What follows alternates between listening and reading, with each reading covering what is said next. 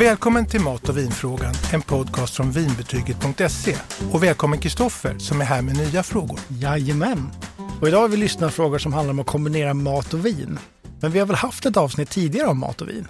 Ja, vi har haft ett helt avsnitt som handlar om det. Sen har jag gått in i andra avsnitt. Om jag minns rätt så var det nog i början, där avsnitt tre, som handlade om goda smakkombinationer och krockar när det inte var så eh, lyckligt precis. Just det. Och det här området intresserar ju ändå ganska många. Ja, vi får ju frågor om det och jag tycker själv att det är ganska intressant för Mm. att det, det verkar som att det utvecklas och man hittar nya kombinationer. Mm. Man brukar ju prata om att gifta ihop smaker Mm. och smakäktenskap. Eh, lyckliga sådana och sen finns det ju då de här som man kanske ska ja, se upp lite grann Ja, De är olyckliga helt enkelt. Ja, ja, de som inte ska vara. Men eh, det finns en kombination här som många har pratat om som jag aldrig har testat. Mm. Men jag tänkte att du idag skulle faktiskt göra det Perfekt. och se, är det här verkligen gott, det som Ja. sägs? Men vi, det får, får vi ta lite längre fram. Ja, men det ser jag fram emot. Har du något tips som förenklar matchning mellan mat och vin? Ska vi börja där? Ja, det går ju att teoretisera det här om att, att spegla smaker och allt möjligt och sånt där. Va? Och vissa beskriver ju viner, du vet, det smakar tobak, läder och, och så vidare. Va?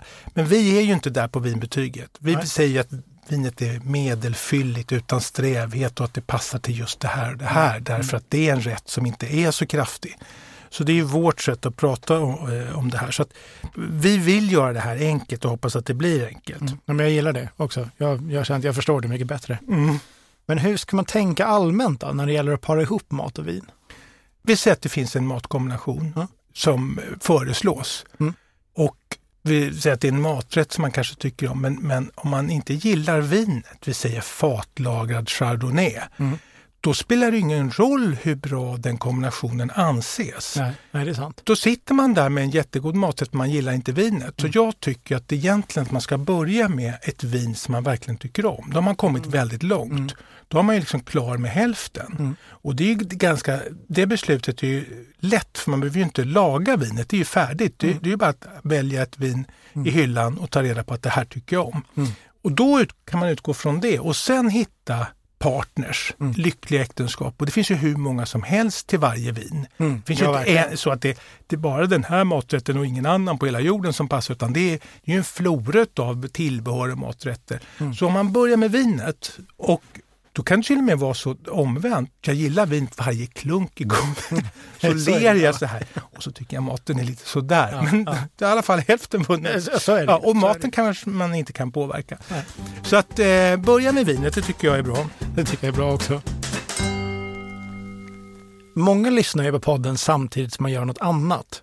Och vi kanske ändå ska nämna att som vanligt så finns ju alla vintipsen i avsnittsbeskrivningen med länk. Just det, bra att du sa det. Om man ändå lyssnar så kan man bara scrolla in och sen så till länken om man slipper anteckna då om man kör bil eller målar om ett Exakt. bord eller vad man nu Vilket gör. man ändå oftast gör. Ja. Just målar. Mm. Men då tar vi den första lyssnarfrågan då. Hej podden! Jag älskar råbiff, men gillar inte öl. Tacksam för passande vintips som inte kostar miljoner. Det här säger alltså Matglada Matilda, det är ett fint namn. Hej Matilda, tack för din fråga. Men Matilda, det här är en utav de svårare sakerna jag kan tänka mig. Alltså råbiff, det är ju då malt fint nötkött med tillbehör som ofta är väldigt starka. Om man skulle lista tillbehör till, som inte går ihop med vin så är det nästan alla de här. Dijonsenapen är stark. Kaprisen är väldigt salt. Hackad lök är ju liksom rå och lite svavel. Och sen dessutom så har man ofta en äggula. Ja, det. Så det här är ju lite grann eh, ölmat för många. Det måste vara den ultimata utmaningen att matcha med Ja. Men, Men- går det då? Ja, och i Frankrike, där matlandet, där, det heter ju steak tartare. Ja, där, ja, där dricker man ju vin till det här Ja, naturligtvis. Man vill inte höra talas om öl. Och, eh, så visst går det. Och det är så intressant det här om man har en rätt som är eh, lite rå och stark i sin smak, het. Mm. Då ska man inte välja ett kraftigt vin, för då blir det eldade på Jaha. ytterligare. Okej. Ännu mer ved på liksom smakbrasan, så då brinner det. Så man ska välja ett vin som inte har någon strävhet utan som är mjukt och bärigt. Okej. Mm. Jag tänkte att det var tvärtom. Ja, och det, det skulle jag ju också kanske gissa, va? Ja. men eh, det fungerar inte så. Nej. Så om du tar asiatisk het mat, det matchar man ju med en helt andra viner. Men det, det ska vi inte ta nu, utan nu är vi inne på råbiffen till Matilda här. Ja, ja okej. Vänta, vi ska titta på vinet här. Ja. Så ser det ut som jag tänkte vi skulle prata om. Ja, just det. Är det en liten, är det en, heter de keruber, de här små flygande barnen? Få se på den där. Ä, som änglabarnen? Ja, det här på etiketten då på det här vinet som heter då Masi Bonacosta Valpolicella så är det då som du säger Kristoffer, jag skulle nog säga att det är en, en glad liten ängel med vingar. Men det kanske är en kerub. Det kanske inte är samma sak. Är inte de som skjuter här små amorspilar? Är inte det Ja. ja, här är någon i alla fall som är väldigt lycklig över det här vinet kan man säga. Eh, Exakt. ja.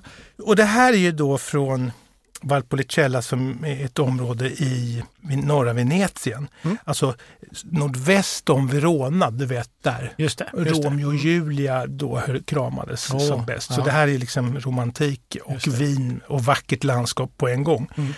Det här är ju Masi, det är en vingård som heter Vaio del Masi. Den har funnits sedan slutet av 1700-talet. Så det här är inga nykomlingar. Det. Och de är kända inte minst för sina fina Amarone-viner. Okej. Men det är ju kraftiga saker, så Ja. det, det, här, det här är något annat.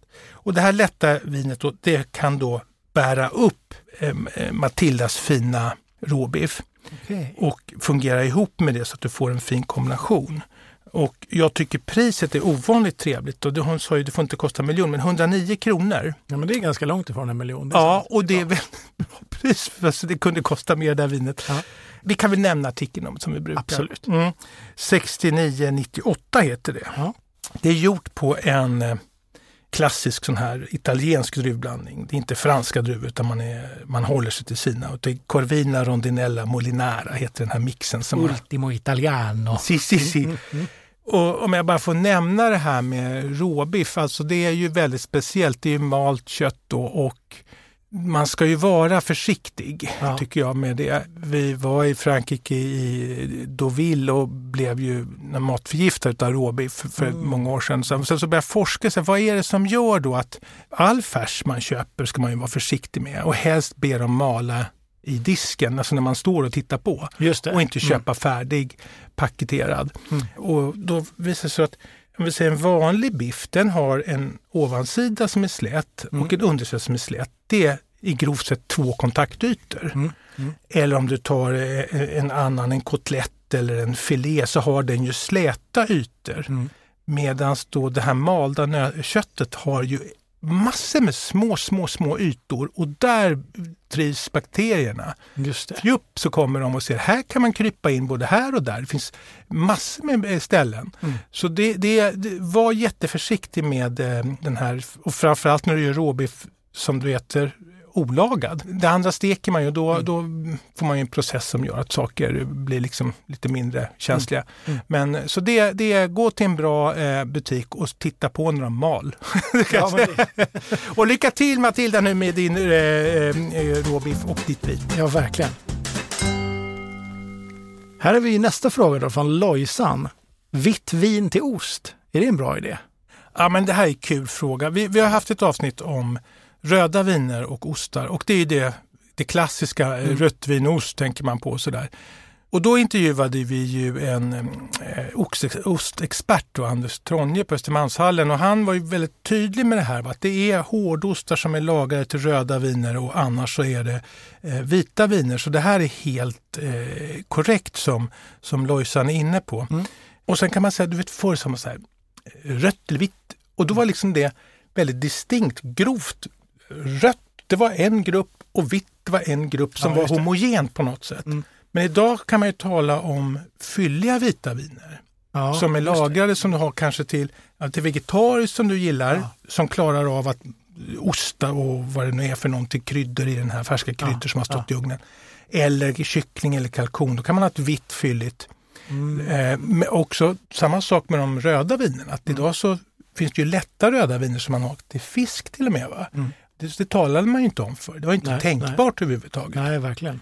Så att det här är ju någonting som är en betydligt bredare eh, område än bara rött eller vitt. Liksom. Ja, ja, Så vi ska kika lite på eh, vitt till ost tycker jag. det ska bli kul. Hur är det till exempel med en ost som brie? Funkar det till vitt?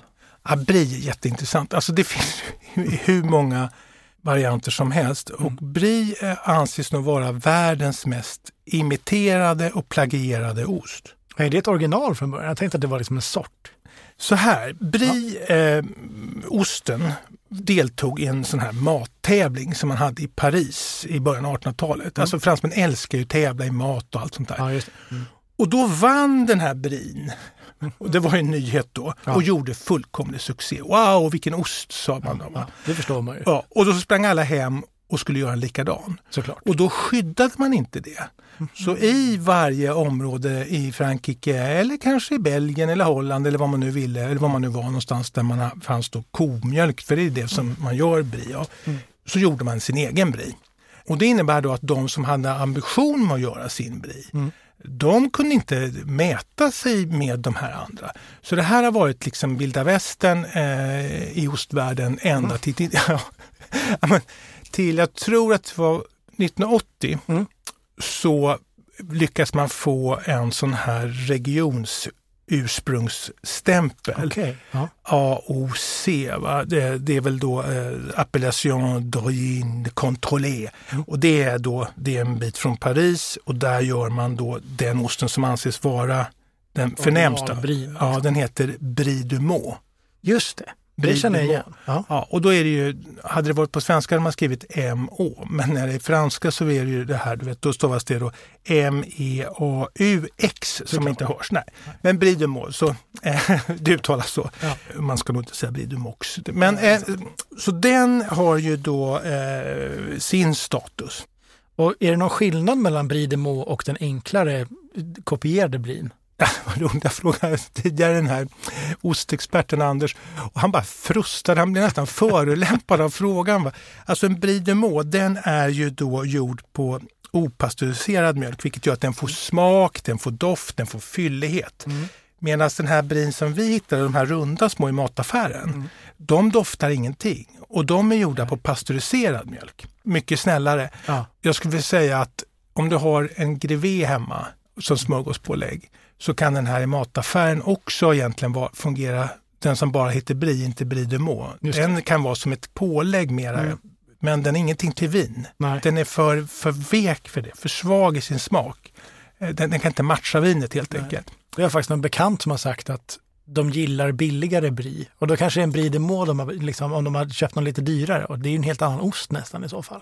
Ja, precis Eller så. Ja, den, och den är mycket kraftig. Då kan jag tänka mig så här att tar du en Brie de Meaux till frukosten, Ja. säger vi då. Ja, precis. det kanske är för kraftigt. Och sen är ju de här ostarna väldigt olika i sin eh, mognad. Ja. Öppnar du en Brie som är övermogen, då stinker det ju nästan så starkt. Va? Mm. Jag antar att det också är någon form av prisskillnad på dessa. ja, det kan man. Men alltså Brie är inte svindyr. Nej. Den kostar kanske runt 300 kronor kilot. Och vi har ju pratat om ostar förra eh, i ostavsnittet då med röda viner. Jag tror de kostade väl liksom från 700 uppåt. Ja, exakt. Det är ju 900. inte så dyrt. Nej, plagiaten då som bara heter Brie som är gjord på pastöriserad mjölk, den kanske kostar hälften. Och det är ofta man ser ofta på kampanj. Så tycker man det är gott så ska man ju absolut, tycker jag, äta det. Men kanske inte till vin. Nej. Vilket vitt vin ska man ha till den här nu då? Vi säger att vi har en Meaux. Då tycker jag eh, vi ska ta ett vin som är mm, av en fransk ursprungsdruva. Mm, passar. Chenin, ja, Chenin Blanc. Ja. Men vinet kommer inte därifrån. Okej. Utan då åker vi istället till Sydafrika där det har blivit nästan, Chenin Blanc har nästan blivit en nationaldruva. Mm. Det låter som en plan. Så där. Ska vi se om det är en liten ängel på den här också? Nej. Nej.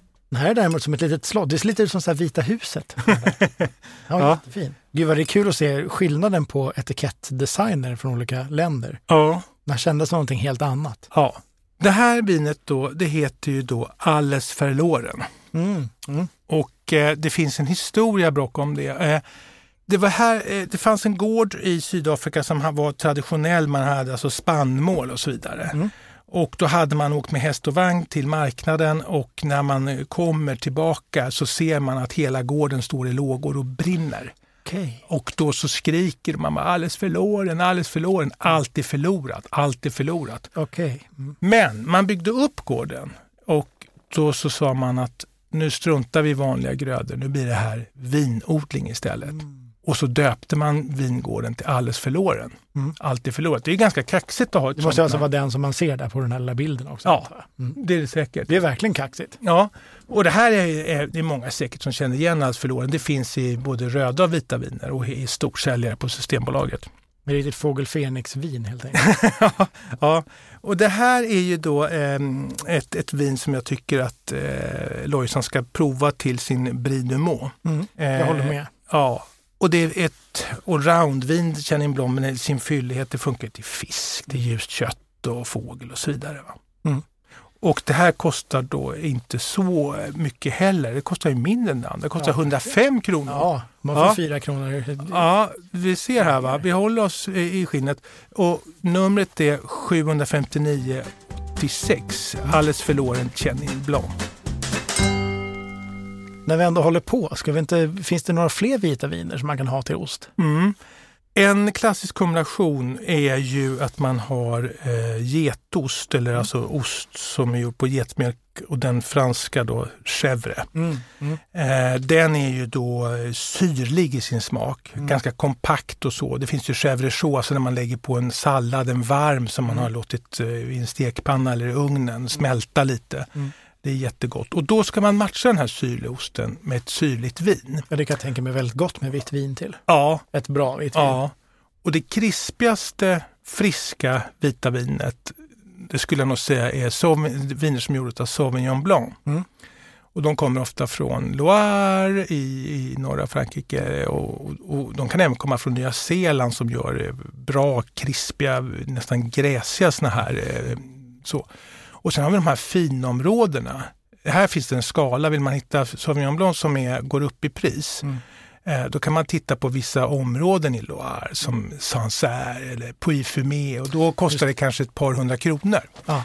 Men det är ju en klassiker. Så går man på restaurang och ser att man vill ha en sallad med chèvre chaud, ja, då ska man ju ta ett glas eh, Sauvignon Blanc. Mm. Så det är ett, eh, ett mycket klassiskt beprövad smak. Ett smakräkenskap som är godkänt av alla. Ja, men det ska jag tipsa min fru om. Hon är en chèvre- chèvre-nörd. Ja, härligt. Finns det några lyckliga smakäktenskap där den ena parten är enkel och den andra är dyr och märkvärdig? Du menar liksom eh, av börd och av folket? Exakt, exakt. Eh, ja men det gör det faktiskt. Det är inte alltid kaka söker maka, va? lika barn eh, leka bäst. Champagne då, som är ju den mest kända exklusiva drycken för fest och bröllop och eh, jubileum och allt när livets goda, då är det ju champagne som Ja. kommer fram. Passar den väldigt bra till knäckebröd? Ja, men vad man brukar säga är väl så här att champagne och eh, kanske du vet hummer, löjrom och ostron. Ja. Men det behövs inte. Perfekt. Nej, utan nu sa du knäckebröd, men inte så långt ifrån. Nej. Chips är en jättebra kombination till Mm. Och va- varför är det en lyckad kombination?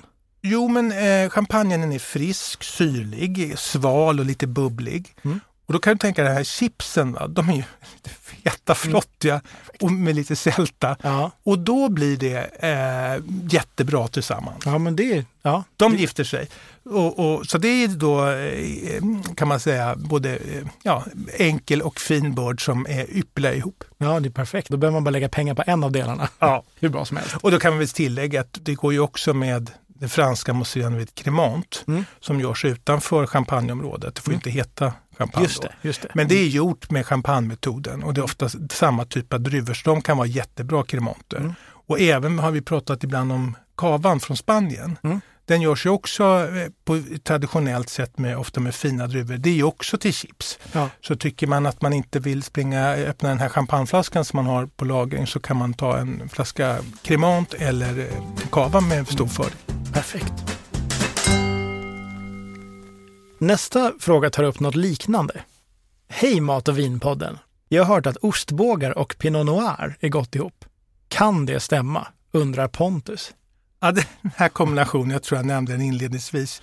Ja, ja, ja. Ja, Jag jag, jag har aldrig provat den här, men jag har sett den tidigare eh, rekommenderad. Mm. Och jag har lite svårt att i mitt huvud liksom förstå det här. Och då kan man säga så att ostbågar är väl inte det elegantaste. Det är väl inget fel på ostbågar, men Pinot Noir är ju den druvan som anses märkvärdigast. Mm. Mm. Vi har ju ett helt avsnitt om Bourgogne och Pinot Noir. Mm. Eh, och den är svårodlad och den, den hyllas av allt och alla Mm. i stort sett. Va? Så att, det, att Pinot Noir, då, den findruvan, och ostbågar går bra ihop. Det, det är lite sådär, jaha, mm, okej. Kristoffer, jag tycker Är det det vi ska testa? Ja, jag tycker vi ska prova. fantastiskt. Ja, då ska vi se här. Ja. Här kommer jag först med, om, om du dekanterar ostbågarna Det ska jag göra. eh, och häller upp de här. Ja, vi har, perfekt. Vi har ju förberett med skål och allting. Ja, det ska vara elegant här. Va? Vi gräver inte i påsen utan eh, det ska vara snyggt. Va? Ja. Här kommer de då, gula, avlånga och krokiga. Va? Eh, oerhört intensiva i sin färg. Ja, det, det kan man verkligen säga. Det kan Ja. man verkligen säga. De Ja, vet det- vad de vill. Ja, det har de lyckats med. Ja. Och nu kommer vi till vinet. Ja. Det här Pinot Noiren. Perfekt. Det blir spännande. Pinot Noir brukar man säga från Frankrike främst. Den är dyr om du ska hitta en bra. Det går inte att hitta billigare. Ja, men det känns som att den både är svårodlad och svindyr och den är Ja. liksom allt. Världens dyraste röda viner, Ja. det är ju Pinot Noir från Bourgogne. Just det. Det har vi pratat om. Men det här är också från Bourgogne och det är inte svindyrt. Lovely. Är det sant? Ja. Vilket, vilket fynd. ja. Jag vet inte hur du gör, men det, Nej. jag är glad att vara med. Och det här är gjort av en producent som heter Albert Bichot. Mm. Och de har varit i Bourgogne sedan 1300-talet. Det blir bara äldre och äldre här. Och den här vin, vingården, den bildades eh, 1831 tror jag. Ja. Ska jag korka Eh. upp den här samtidigt? Ja, då skruvar du upp den lite grann. Och det är då sjätte generationen i familjen Bichot som sköter vingården i, i, idag. Okej. Och de gör denna eh, härliga fina Pinot Noir. Ja. Och du vet, den kostar 139 kronor. Det, Ja, och det är alldeles för billigt. Och, och vilken härlig färg! Va? Det är Ja, liksom verkligen. helt... det var väldigt klart. Ja, Jag känner på flaskan att den är lite sval också. Det här är, det här är precis som du vill ha det. ja, vi får inte buska på alla fronter här utan det måste funka. exakt, exakt. Och ja, det är ju så, det har man säkert sett här nu på nyheterna, att Frankrike och framförallt då Bourgogne har haft jätteproblem med eh, den här, det här året. Våren var frost Mm. så att mycket av druvorna eh, skadades. Och sen så dessutom så regnade det i somras i Bourgogne. Så de, de, den här skörden är katastrof. Så nästa år, det här, är- man ligger alltid ett, ett Ja, just för. det. Mm. Mm. Så vi, nu finns det ju viner, men nästa år så kommer det här förmodligen att gå upp i pris. Mm. Som, precis som alla viner i Chablis, alltså vita Mm. bourgogner, alla de kommer att gå upp och champagne också som ligger granne kommer förmodligen också gå upp. Mm. Men just nu så kan vi bara glädjas åt att det här kostar 139. Mm. Ska, ska vi bara skåla först i det här innan det vi går på ostbågarna? Jag är lite skraj från ostbågarna. Ja. Skål för att i alla fall vinet antagligen är Ja, gott. vi börjar med vinet som Jag kan hälsa att vinet var jättegott. ja. Ska se om det blir bättre eller Ska du. Kristoffer, börja som försökskanin här? Eh, Ja, men jag börjar. Mm. Jag, jag tar två. Två jag, jag, kan, jag kan inte riktigt bara ta en, det måste vara jämna Nej. tal. Ja, det tycker jag. Här. Så. Ja, jag går på också. Jag måste Mm. försöka få lite... Okej. Jag är också lite nervös. Ja, men det här ändå. Jag måste testa en gång till. Ursäkta oss alla lyssnare att det Mm. här blir lite långdraget när vi sitter och smakar här. Spontant kan jag säga så här. Jag tycker ostbågarna tar för sig. Och jag tycker inte att jag känner att vinet och de hjälper varandra. Jag Jag tycker vinet var det gott, jag tycker ostbågarna är goda, men jag vet inte om jag tycker att det är ett äktenskap. Jag kan tycka att de inte krockar i alla fall. Nej. De är, det är inget äktenskap, men det- de kan vara kompisar. Ja, Så kan jag känna. ja, Att det, det, de får sova över oss varandra ibland. ja, Ungefär så. ja precis Mm. så. Ja, men det, jag, jag kan ta en till. Jag, jag tycker det förstörde liksom inte. De, de, Nej. hade, de fick en varsin liksom sida av eh, smaklökarna här. Mm. Men om vi eh, återgår då till eh, vinet som jag Mm. tycker, jag, jag, jag, det kanske hörs mellan raderna här att jag är ingen ostbågekunnig person. Nej, Eh, jag har inte liksom, gått på djupet med ostbågar. nej, nej. Däremot så tycker jag det är kul med Pinot Noir som vin. Mm. För det är ett vin som inte bara passar halvbra eller helbra vad man nu tycker till Mm. ostbågar utan det är ypperligt. Det skulle faktiskt gå till brie. Och Ja, det skulle även gå till rost, eh, heter rostbiffen, jag på säga, råbiffen. Det är väldigt lätt och väldigt... Ja. och Så det här är ett, ett, ett allroundvin och sitter man och tittar på något bra eh, i soffan hemma på tv. Det tycker Det är jag man faktiskt kan ett perfekt glas. sån. Ja. Det står och det är lätt. själv. Mm.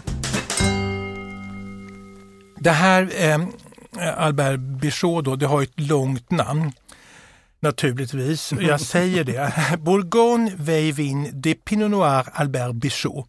Och eh, Bourgogne då, det är ju då regionen och Veivin det är då att det är gamla eh, druvstockar och då blir vinerna alltid mer koncentrerade och godare. Alltså man kan inte bara tro att första skörden man eh, får, att det blir bra viner, utan helst ska de vara 25-30 år. Ja. Så det här är gamla vinstockar och det är också en kvalitetsstämpel. Mm. Och vinet då det kostar återigen 139 i år, kanske mer nästa. Och det har ett enkelt och trevligt nummer 5470. De här ostbågarna, de kostar väl kanske en 13 kronor eller någonting, har inget artikelnummer. Nej, de har verkligen inget artikel. mataffärerna. Ta- Tack Kristoffer, den upplysningen eh, eh, den vill jag att ni noterar där. Ja, det, bra. det finns också i länken där. Ja, tack. Ja, men om man får fråga dig då, vilket tycker du är den optimala kombinationen? Det optimala smakäktenskapet? Ja, det finns ju att ibland så äter man ju någonting, en fisk eller en kötträtt och så är det jättegott ihop och sådär. Mm. Och så säger man wow och sådär. Då är det ofta någonting som eh, jag tycker då, att det är kantareller eller jag åt någonting med murklor häromdagen som var jättegott och sådär. Då, då, det är ofta ett, ett lite större matprojekt att göra de goda varmrätterna. Och då kan jag komma tillbaka till, lite tjatigt kanske, men vinet är färdigt, det köper man och det är ostarna också. Och hårdostar till vissa röda viner eller vita eh, viner och vissa ostar då, som chèvre som vi pratade om. Eller Mm. Supergott. Mm. Ett, en annan klassisk som här om man gillar det är ju att man har en parmesan Mm. Och från samma region så kommer ju Amarone-vinerna. Just Men det kan vara andra kraftiga röda viner. Det behöver inte vara det. kan vara Nebbiolo-viner. Det går jättebra till Mm. parmesanen. Det är inte alls strängt att det måste vara den. Men ibland så tycker man att det är kul för att det kommer från samma region. Mm. Mm. Och det, det tycker jag har en, en, en effekt som gör att det är svårt nästan att sluta äta. Man skär en bit, tar en tugga, man skär en bit och tar en tugga. Mm. Eh, Så det, det tycker jag är, är säkert kort. Och jag vet att flera av sig från det förra poddavsnittet har sagt att vi har nu börjat efter maten om vi har gäster att inte ha många ostar. Vi har en ost som vi fortsätter med vinet och då är det kanske en comté eller en gruyère, en stor bit som man skär av och alla ser supergott och trevligt. Så det, jag tycker ost och vin är väldigt säkert äktenskap. det. Ja, Mm. verkligen. Och slutligen då, vi måste ändå gå över dem. Har du några olyckliga smakäktenskap? Jo, men jag har ju det verkligen eh, där det har varit smakmässigt bråkigt och inte fungerat alls. Och då har jag varit, faktiskt varit lite ledsen, men fördelen har varit att jag har lärt mig något av det och och försökt se vad ska det vara istället. Mm. Du vet om du gör en toskagen med eh, löjrom, du har fina räkor, du har färsk dill, du har majonnäs, du har crème fraîche, du har citron och allt det här. Och det är en fantastisk kombination. Och då hade jag en sån stor härlig toskagen och så serverade jag till det och gästerna en sån här Sauvignon Blanc, som det här torra, krispiga vita vinet. Va? Mm. Och det var ett favoritvin och jag var så uppspelt över det här och sen så bara smakade metall i hela munnen. Mm. Det gick Vad inte. tråkigt. Ja. Ja. Och då så förstod jag sen när jag hade liksom gått till botten med det här att Mm. det vinet det var för torrt. Det är för feta smaker, Mm. det är för mycket olika smaker. Det kan inte riktigt matcha. Eh, Så det slår ifrån sig. Så då ska det vara ett, en Riesling. Och gärna en Riesling med några, lite sockerhalt i, Mm. lite, man brukar Mm, säga restsötma. Och det, det där är bara en tramsig diskussion att man tror att, att det är så mycket socker i viner, för det är ingen, ingen fara. Tycker Nej. jag. Och speciellt inte om man jämför med andra eh, drycker som har Nej. socker i sig, va? oavsett om det är öl eller juice eller vad det är. Så det, det var en learning. Och en annan sån här var när jag stod i mataffären och såg en jättehärlig krämig gorgonzola. Eller om det var en sån här kombination, eh, gambo, så, nej det var en sån här, ja det var en, en, en, grönmögelost som Mm. var kladdig och härlig och rinnig och den såg så otroligt god ut. Jag var så jävla uppspelt över den där också. och hade ett bra eh, italienskt vin som var eh, italienskt Sangiovese som var eh, Mm. Montepulciano, alltså från Toscanas finområde där. Eh, ja, Det gick inte, det, det, det, det gick bara inte ihop. Nej. Och då är det så Gorgonzola är extremt svårmatchat. Där ska du egentligen kanske ha portvin. Okej. Ja. Ja. ja, det kan jag tänka mig. Ja, så att det, där har jag ju haft olyckliga äktenskap Ja. eh, och så. Och jag kan ju råda alla som tycker om att man har många ostar att då är det enda vinet som nästan matchar allihopa, förlåt, det är ju portvin. Mm. Av någon anledning. Som, ja, det har väl lite fyllighet och lite, det är inte så strävt utan det är Nej, ganska runt och nästan lite sötma. Mm. Men lite tyngd i också. Då mm. kan du köra liksom, vad som helst. Ja, ja. Kanske inte en sån här mesig brie Eller ostbågar. nej. Ja, men tusen tack för alla tips. Jag gissar att vi kommer återvända till det här med smakäktenskap. Det gör vi absolut. Ja. Eh, jättekul Kristoffer eh, och tack alla som har lyssnat och glöm inte att kika i avsnittsbeskrivningen för där har ni länkar till både det ena och det andra. Exakt. Ha det bra! Ha det bra! Hej! Hej! Har du frågor om mat och vin?